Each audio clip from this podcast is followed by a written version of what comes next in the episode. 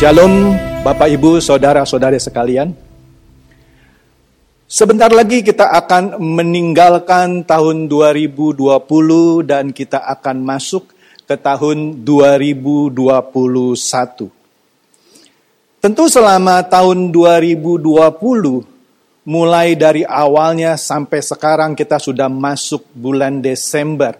Tidak pernah sama sekali kita sangka bahwa kita kedatangan seorang, uh, ya saya bisa bilang seorang atau banyak kumpulan makhluk-makhluk kecil yang virus corona ini, yang menyebabkan kekacauan yang luar biasa di seluruh dunia. Yang kita tahu pandemi COVID-19 ini terus uh, merusak tatanan yang sudah uh, dibuat oleh umat manusia berabad-abad. Banyak orang yang tidak rela jika masa depan dunia ini semakin buruk. Seperti halnya yang baru kita uh, sebentar lagi akan lewati, kita lihat bahwa betapa pandemi COVID-19 ini banyak merusak sendi-sendi kehidupan. Berapa banyak orang yang harus kehilangan pekerjaannya? Berapa banyak misalnya juga pabrik-pabrik yang tutup? Begitu juga perkantoran, restoran, dan segala macam kita bisa lihat. Itulah sebabnya tidak heran misalnya kalau kita lihat di antara orang-orang percaya, banyak doa-doa dinaikkan dengan harapan dunia ini semakin lama sebaiknya pulih secepat mungkin dan semakin baik. Sekilas terasa tidak ada yang aneh dengan doa-doa seperti ini. Karena tentu sebagai manusia, tentu mau situasi menjadi lebih baik. Tetapi sebagai anak Tuhan yang memiliki Alkitab, khususnya perjanjian baru, Tuhan sudah menyampaikan pesannya bahwa dunia di mana manusia hidup ini tidaklah menjadi bertambah baik. Itu sudah dinyatakan Tuhan di dalam firman-Nya. Kita bisa lihat di sini di firman Tuhan yang terambil dari 2 Timotius 3 ayat 1 sampai 5. Mari kita buka Alkitab kita dari 2 Timotius 3 ayat 1 sampai 5. Demikian firman Tuhan 2 Timotius 3, 3 eh, ayat 1 sampai 5. Judul perikopnya adalah keadaan manusia pada akhir zaman. Ketahuilah bahwa pada hari-hari terakhir akan datang masa yang sukar. Manusia akan mencintai dirinya sendiri dan menjadi hamba uang. Mereka akan membual dan menyombongkan diri. Mereka akan menjadi pemfitnah. Mereka akan berontak terhadap orang tua dan tidak tahu berterima kasih tidak mempedulikan agama, tidak tahu mengasihi, tidak mau berdamai, suka menjerekkan orang, tidak dapat mengekang diri, garang, tidak suka yang baik. Suka mengkhianat, tidak berpikir panjang, berlagak tahu, lebih menuruti hawa nafsu daripada menuruti Allah. Secara lahiriah mereka menjalankan ibadah mereka. Tetapi pada hakikatnya mereka memungkiri kekuatannya. Jauhilah mereka itu. Apa yang telah disampaikan Tuhan dalam firman-Nya ini tidak mungkin dibatalkan. Jadi kalau ada ajaran yang mengesankan bahwa dunia bisa bertambah baik, maka itu adalah ajaran yang salah. Hal ini bukan dimaksudkan sebagai ancaman agar jemaat jadi ketakutan lalu mencari Tuhan. Tetapi hal ini dimaksudkan agar kita berpikir realistis. Kemudian kita bersikap antisipatif. Yaitu bagaimana kita mempersiapkan diri menghadapi keadaan dunia yang semakin sulit. Seperti yang saya katakan di awal, sebentar lagi kita akan meninggalkan tahun 2020. Biasanya uh, selebrasi atau perayaan tahun baru diselingi dengan salam atau ucapan selamat menyambut tahun baru yang lebih baik. Tetapi kali ini rasanya, rasanya menurut saya, kita harus lebih realistis. Dan jika tahun yang akan kita songsong ternyata bukan tahun yang lebih baik, kita sudah mengerti bahwa firman Tuhan sudah mengatakan itu. Jadi kita sekarang justru harus mempersiapkan diri menghadapi dunia yang semakin sulit. Hari-hari ini banyak manusia yang frustasi karena tidak menjumpai sukacita dalam kehidupannya. Coba kita lihat kalau ada teman atau saudara yang kehilangan pekerjaan. Atau ada teman atau saudara yang bisnisnya harus tutup. Pabriknya harus dijual sukacita hilang dari diri mereka. Rasa tentram, tenang semakin mahal sekarang ini. Dan sukar ditemukan di dunia kita pada hari ini. Tidak sedikit yang malam menjadi pesimis, putus asa, merasa tidak mungkin lagi menikmati sukacita di dalam dunia ini. Nah, oleh karena itu, seperti firman Tuhan yang sudah katakan sebelumnya yang sudah kita lihat bersama-sama, kita baca tadi, dunia ini yang kita hidupi sekarang ini tidak semakin baik, tetapi semakin bergejolak. Nah, hal ini sudah dinyatakan oleh Alkitab, dunia bertambah jahat. Makin hari semakin bertambah kedurhakaannya. Kita juga bisa lihat di Matius 24 ayat 12. Matius 24 ayat 12, dan karena makin bertambahnya kedurhakaan, maka kasih kebanyakan orang akan menjadi dingin. Sebelum zaman baru, dunia akan dibawa kepada goncangan yang semakin hebat. Kita lihat juga pada Matius 24 ayat 8. Akan tetapi semuanya itu barulah permulaan penderitaan menjelang zaman baru. Jadi Bapak Ibu Saudara-saudari sekalian, bumi semakin memburuk. Artinya dunia tidak akan bertambah baik. Kita lihat bencana alam yang sudah pasti yang kita sudah lewati hampir setahun, pandemi COVID-19. Belum ditambah lagi sumber daya alam yang terus makin berkurang. Dan krisis ekonomi sudah pasti. Malah Indonesia sebenarnya sudah masuk ke krisis ekonomi. Keadaan ini juga diperburuk oleh sikap manusia yang juga semakin rusak, yang saling menerkam satu sama lainnya. Belakangan ini saya aktif mem, uh, merekam beberapa video dan saya taruh di channel YouTube saya karena didorong oleh kegem, kegeraman saya dan kegemasan saya. Mengapa tidak? Di masa yang sulit ini justru manusia saling memakan manusia yang lainnya. Dengan cara apa? Dia ajak orang-orang ini dengan tawaran-tawaran bisnis yang seakan-akan kalau diikuti akan lebih cepat mendapatkan hasil. Sehingga bisa keluar dari kesulitan ekonomi. Bagaimana orang tidak tertarik? Tetapi justru tawaran-tawaran ini adalah tawaran yang membahayakan. Saya ambil contoh sederhana, sederhana saja. Bagaimana mungkin ada bisnis yang bisa memastikan Anda mendapatkan keuntungan 20 sampai bahkan ada yang menjanjikan 100% per bulan. Nah, di sinilah penipuan-penipuan justru makin tambah hebat di masa sulit. Mengambil uang-uang orang yang mudah ditipu. Inilah fakta bahwa dunia semakin jahat. Nah, oleh karena itu, kita tidak dapat mengharapkan dunia kita pada hari ini memberikan jaminan ketenangan. Tidak bisa. Alkitab pun sudah mengatakan itu. Jadi jangan pernah bermimpi dan berharap dunia ini akan menjadi lebih baik tahun depan.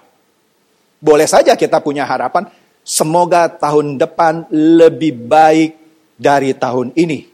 Kalau di judul lagu Tomorrow Will Be Better, Ming Tian Hui Ken Hao. Boleh saja. Tetapi Alkitab sudah mengatakan dunia tidak akan semakin baik. Sungguh sangat menyedihkan jika mendengar banyak hamba-hamba Tuhan yang justru mengkotbahkan bahwa sebentar lagi kita akan masuk ke dunia yang akan terbebas dari segala masalah. Padahal firman Tuhan tidak mengajarkan itu. Menyatakan kebenaran ini bukan membuat Anda semakin pesimis, justru menyatakan kebenaran ini harusnya membuat Anda lebih antisipatif jika pada tahun depan keadaan tidak akan lebih baik dari tahun ini. Nah, oleh karena itu, kalau kita lihat bahwa dengan mengerti kebenaran ini, kita tidak perlu menjadi terkejut bila terjadi lagi goncangan hebat di tahun 2021.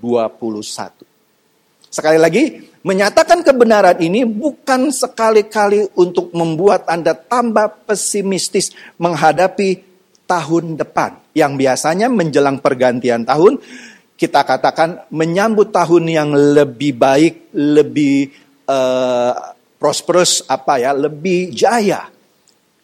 Lupakan itu. Oleh karena itu, ajaran yang menjanjikan hari depan yang lebih baik, yang lebih apa ya bebas dari segala masalah hendaknya tidak perlu kita dengarkan lagi. Itu hanyalah perkataan yang menyenangkan telinga.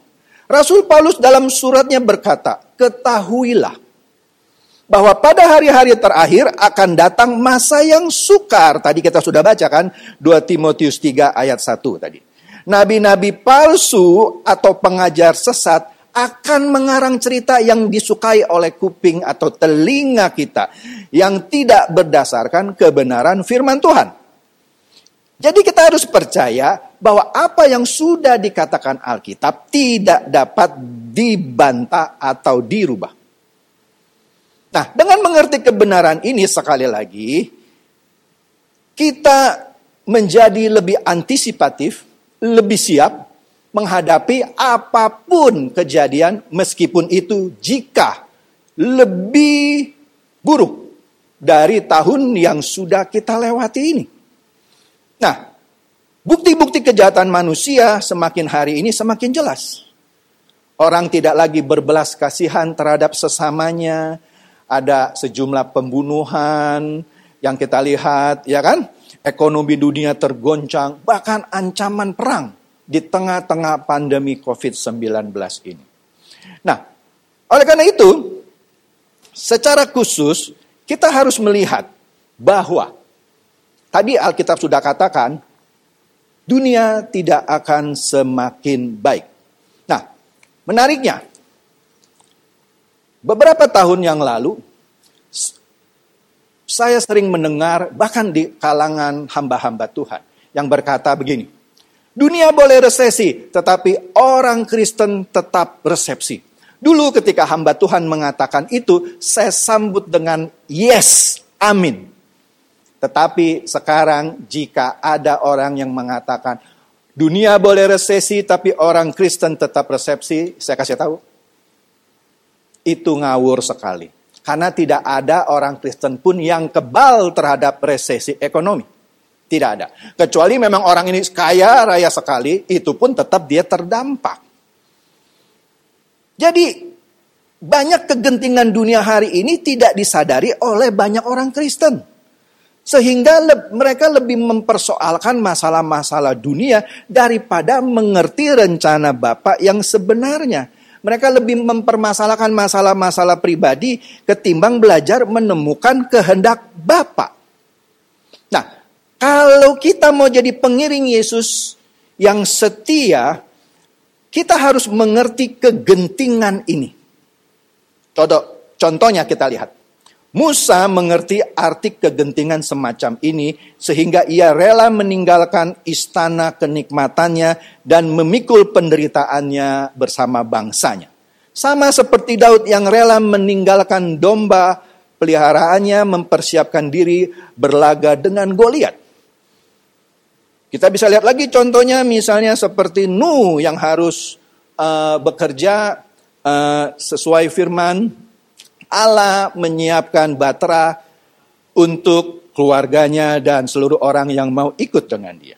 Nah, oleh karena itu bahaya-bahaya khusus yang sekarang ini justru bisa mengancam iman Kristen seperti yang dijelaskan sebentar lagi. Nah, sejak zaman dulu, sejak zaman dulu, yang dicari manusia itu pastinya rasa tentram dan rasa tenang. Manusia berusaha dengan segala cara untuk menikmati suasana jiwa yang tentram atau tenang. Manusiawi. Ternyata banyak manusia yang frustasi karena tidak menemukan sukacita di dalam kehidupan ini. Rasa tentram dan tenang seakan-akan menjadi suatu yang mahal dan sukar ditemukan lagi di dunia ini.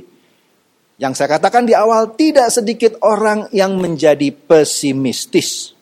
Seakan-akan tidak mungkin lagi menikmati sukacita di dalam dunia seperti ini. Nah, melalui pemberitaan suara kebenaran ini yang ditunjukkan kepada kita semua adalah untuk dapat menikmati rasa tentram dan aman versi yang lain.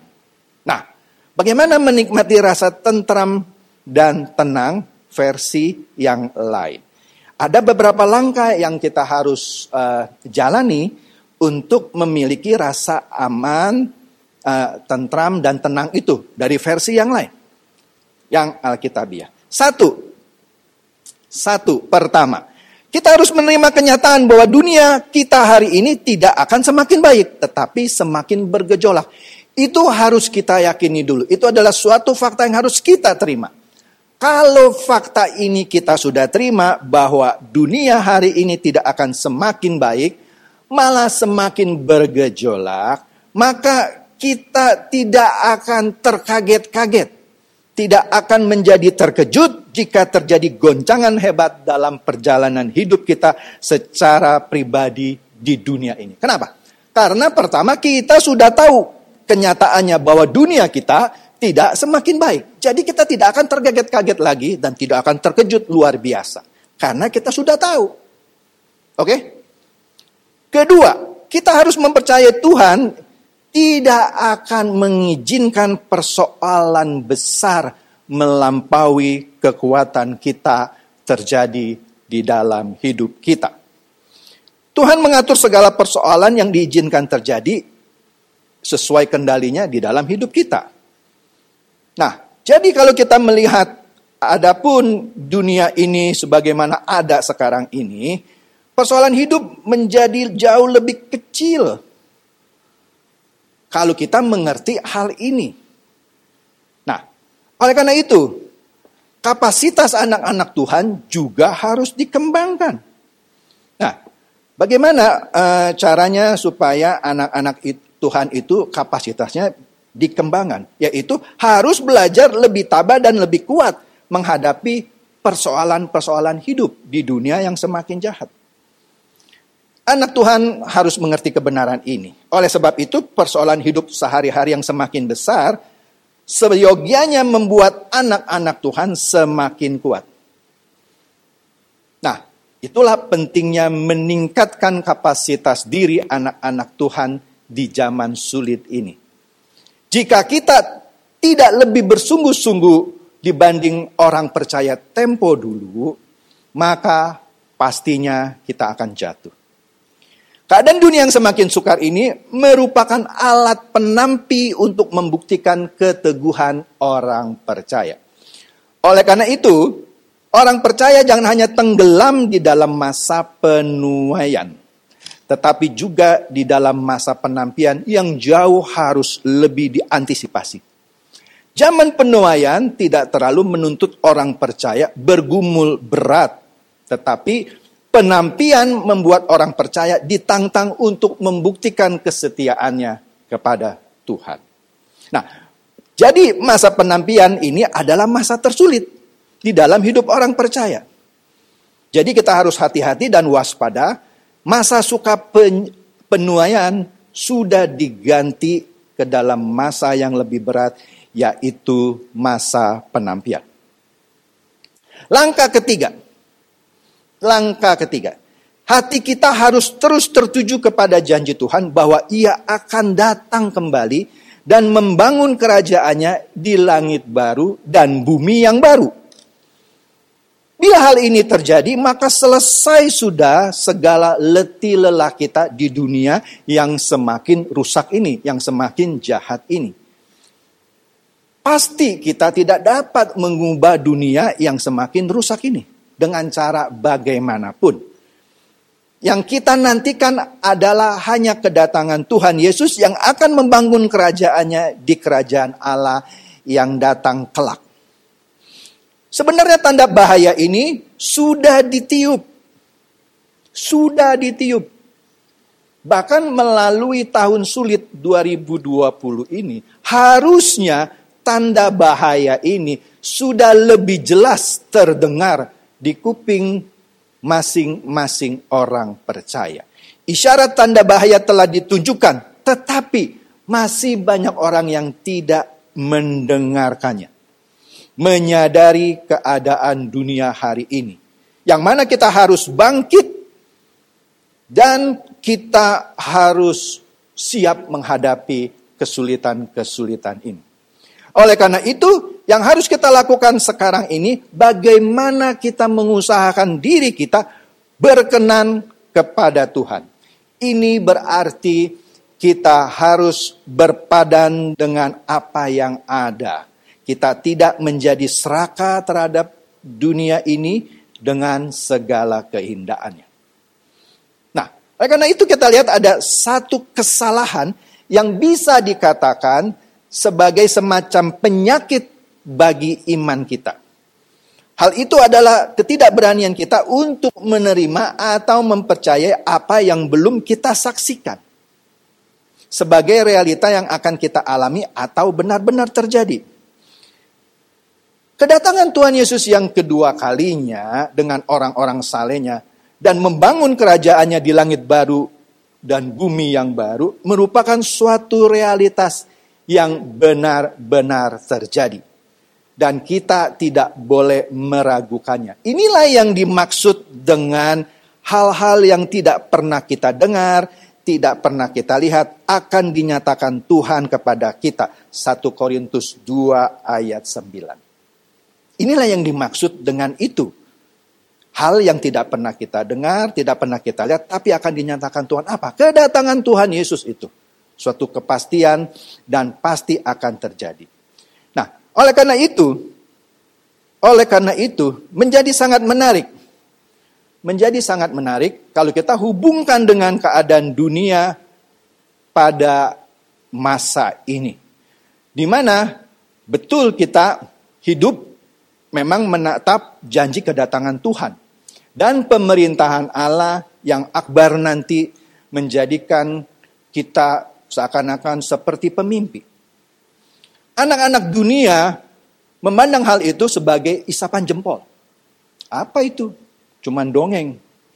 Jadi kita mengerti mengapa orang pada waktu itu mengolok-olok Nuh. Tatkala memberitakan berita keselamatan, membuat baterah bagi banyak orang. Ketika dua malaikat mengajak orang-orang keluar dari kota Sodom juga sama. Jadi di sini kita bisa lihat lagi contohnya Abraham yang memiliki mimpi dan hidup di atas mimpi tersebut meskipun dia akhirnya tidak menikmati apa yang uh, sebenarnya dijanjikan kepada dia. Tapi dia tahu janjinya adalah langit baru dan bumi yang baru. Nah, oleh karena itu kita tidak dapat menjelaskan dengan kata-kata lagi keadaan dunia kita pada hari ini. Sekaya apa pun perbendaharaan kata kita, kita sulit menggambarkan dunia kita pada saat ini. Telinga kita pun barangkali jarang mendengar. Jarang mendengar hal seperti ini. Kok itu khotbah menjelang tahun baru bukannya mengabarkan sukacita, menyambut tahun baru yang harusnya lebih penuh harapan. Siapa yang sering dengar khotbah seperti ini? Malah khotbah ini Sepertinya akan menjadi khotbah yang tidak populer. Masa menyambut tahun baru kok diberitakan bahwa dunia pasti semakin buruk. Lah memang begitu kenyataannya. Masa kalau dunia semakin buruk saya harus beritakan bahwa dunia akan semakin baik? Ya tidak mungkin lah. Nah, oleh karena itu kita harus berani percaya terhadap apa yang Tuhan telah janjikan. Oleh karena itu sekali lagi mempercayai Tuhan berarti masuk ke dalam suatu rencana Tuhan untuk waktu yang mendatang. Bukan sekarang ini di dunia yang semakin jahat ini. Masuk ke dalam apa yang Tuhan janjinya, yang janjikan, artinya sekarang hidup kita diarahkan kepada kehidupan kita kelak. Yang akan datang. Bukan kehidupan yang sekarang ini. Inilah yang namanya berjalan dengan iman. Berjalan dengan iman, yaitu masuk ke dalam kehidupan mendatang. Ketika air Babylon melanda bumi, keluarga Nuh sudah memasuki kehidupan yang Tuhan janjikan. Mereka bekerja keras menyongsong peristiwa besar itu. Ini berarti mereka hidup dalam janji Bapa. Nah, tadi saya ulas sedikit mengenai Abraham. Yang paling mengagumkan tentang Abraham adalah seluruh kehidupannya diserahkannya untuk masa depan. Walaupun dia tidak mengalaminya. Sampai mati Abraham tidak mengalami apa yang dijanjikan Tuhan. Tetapi imannya tidak pudar. Tapi berapa banyak kita lihat orang-orang percaya di masa sekarang ini kalau dia tidak segera mendapatkan jawaban atas doanya, dia menjadi putus asa, bahkan tidak sedikit yang murtad. Inilah bahayanya jika orang-orang percaya tidak diberitakan kebenaran bahwa dunia tidak semakin baik, tapi semakin buruk. Jika kita siap akan hal ini, yang mana adalah kebenaran Alkitab, maka kita tidak lagi terkejut, malah kita bersikap antisipatif. Nah, inilah iman yang tadi saya katakan yang dicontohkan oleh Abraham sebagai sosok manusia yang hidup untuk masa depan. Inilah kehidupan yang Tuhan kendaki Inilah yang dimaksudkan Tuhan dengan mengumpulkan harta di surga. Di mana ngengat dan karak tidak lagi merusaknya. Harta surgawi yang kekal. Oleh karena itu hendaknya kita tidak keras kepala seperti bangsa Israel yang menolak apa yang Tuhan katakan bahwa di Kanaan nanti mereka akan menjumpai tanah yang berlimpah susu dan madu. Bangsa Israel pada zaman itu terikat dengan keindahan Mesir. Terikat dengan keindahan Mesir. Jadi ketika mereka mau dibawa keluar, banyak sebenarnya yang bersungut-sungut tidak mau meninggalkan keindahan dunia pada saat itu. Padahal Tuhan menjanjikan tempat di mana tanah yang berlimpah susu dan madunya. Tapi mereka terikat terhadap dunianya yang dia rasa sekarang sudah baik, sudah indah. Padahal Tuhan mau memberikan dia tempat yang lebih baik. Masa depan bangsa ini. Lah sama seperti kita di dunia ini. Dunia yang kita tinggali sekarang ini yang tidak semakin baik adalah bukan rumah kita bukan rumah kita. Jadi kita kalau analogikan kehidupan kita orang percaya dengan kehidupan orang Israel pada zaman lalu, sebenarnya kira-kira sama. Kita diminta untuk tidak terikat dengan ke keindahan dunia ini. Apalagi dunia ini sudah semakin buruk, sudah semakin jahat. Tidak semakin baik. Maka hidup kita harusnya hanya tertuju kepada Bapa. Nah, mereka menurut mereka jauh lebih baik tetap berada di Mesir meskipun sebagai budak daripada sesuatu yang belum mereka tahu di mana. Yang dijanjikan penuh susu dan madu ini. Nah, sama dengan orang-orang Kristen yang sekarang ini seakan-akan juga tidak mempercayai bahwa kehidupan di masa mendatang setelah mereka meninggalkan dunia ini sebenarnya itulah yang lebih baik dari kehidupan dunia yang sekarang ini. Yang sudah pasti tidak akan semakin baik. Jadi dengan kata lain banyak orang Kristen yang sebenarnya tidak mempercayai kehidupan nanti yang pastinya lebih baik dari sekarang. Mereka seakan-akan tidak mau berpisah dengan kehidupannya di dunia sekarang ini.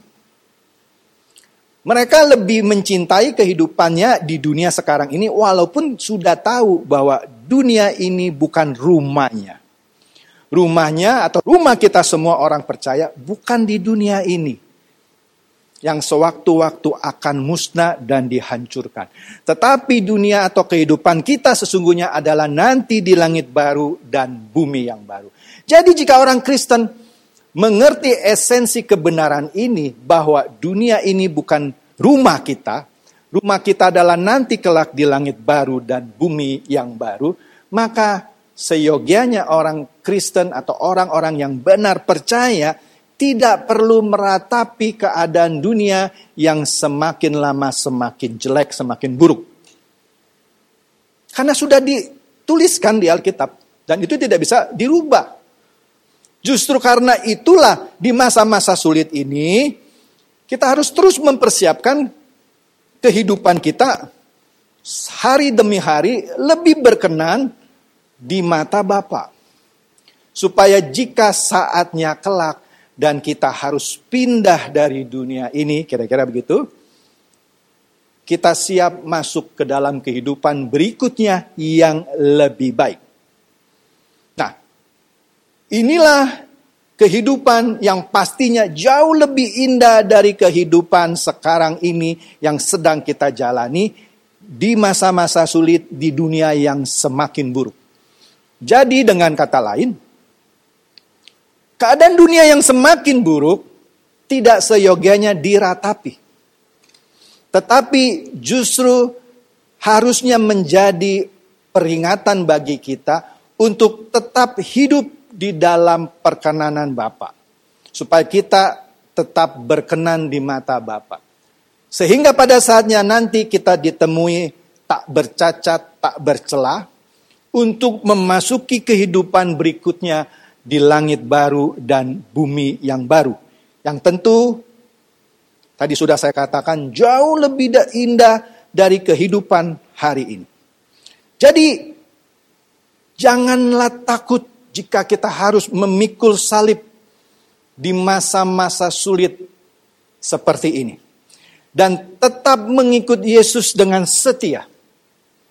Sebab penderitaan sekarang ini yang kita alami tidak sebanding dengan kemuliaan yang kelak kita akan terima. Sekali lagi, oleh karena itu, Jangan takut harus memikul salib dan mengikut Yesus dengan setia. Sebab penderitaan yang kita alami sekarang ini di dunia yang semakin jahat, semakin rusak, tidak sebanding dengan kemuliaan yang akan kita terima nanti. Demikianlah sebagian dari kebenaran firman Tuhan yang boleh Bapak, Ibu, saudara-saudari sekalian, imani dan praktekkan dalam kehidupan dunia yang semakin lama semakin buruk ini. Meskipun kita akan memasuki tahun baru yang juga kita tidak tahu apakah uh, pandemi ini akan segera sirna, tapi kita percaya bahwa di balik semua masalah, di balik semua kejadian di dunia yang semakin jahat, kita tetap punya harapan di kehidupan kelak kita nanti, yaitu di langit baru dan bumi yang baru. Amin. Bagi Bapak, Ibu, Saudara-saudari yang terpanggil untuk mendukung pelayanan GSKI Pluit dapat memberikan persembahan ke rekening BCA KCU Pluit dengan nomor 168 65 333 88. Sekali lagi 168 65 333 88 atas nama GSKI Fluid. Terima kasih atas dukungan persembahan saudara. Tuhan Yesus memberkati.